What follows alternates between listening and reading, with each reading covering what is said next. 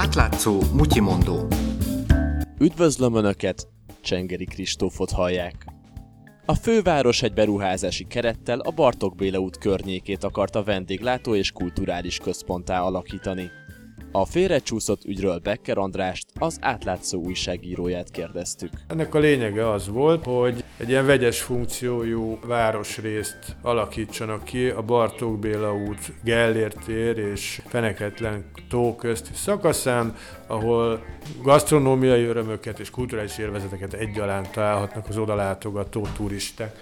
Ezért olyan intézmények létrejöttét támogatták, amik elvileg egyszerre voltak vendéglátóhelyek és kulturális központok. Vagyis, hogyha te ott nyitni akartál egy kávézót, és azt mondod, hogy ez nem csak kávézó, hanem galéria is, eh, akkor bizonyos kötelezettségnek ugyan meg kell felelned, de ezért nem 100 egység, hanem 5 egység lesz havonta a bérleti díj.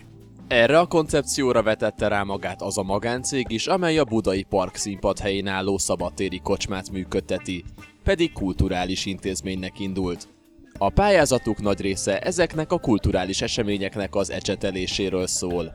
Ebből lényegében semmi nem valósult meg. Ez a Budai Park színpad helyén létrejött intézmény, ez egy nettó vendéglátóipari egységként működik, Közben a 2500 négyzetméteres területért havonta összesen 350 ezer forint bérleti díjat fizetnek. Azért ilyen keveset, mert a fővárosi vagyonkezelő értékbecslője nagyon alacsony értékűre taksálta az ingatlant. 50 millió forintra. Ezek közt vannak reális szempontok is. Nyilván egy alapvetően szabadtéri vendéglátásra alapozott üzletet azt nem lehet a téli hónapokban működtetni. De vannak nem reális szempontok is. De hát ilyen vicces tételek is vannak ebben az értékbecslésben, mi szerint értékcsökkentő tényező az, hogy nagy. Úgy tekintették, hogy az ingatlanon tulajdonképpen nem is fekszik építmény, ezért kapásból a becsült átlagértéknek a 70%-át levették, mondván, hogy ez egy beépíthetetlen rekreációs terület.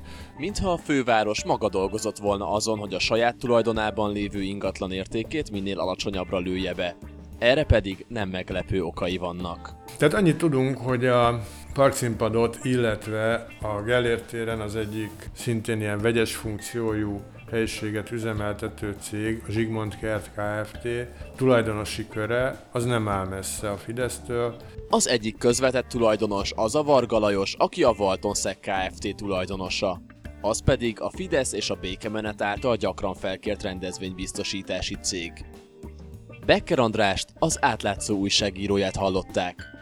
A mai Mutyimondót Csengeri Kristóf készítette, közreműködött Mongatilla és Lé Marietta.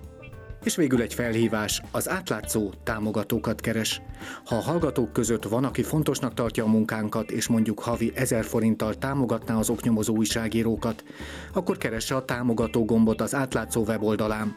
Vagy ha ez túl bonyolult, küldjön nekem egy e-mailt, írjon csak annyit mutyi, és elmagyarázom. Az e-mail cím mutyimondó kukac További érdekességek a Mutyimondó napi e-mail hírlevelében, amelyre az átlátszó internetes oldalán lehet feliratkozni.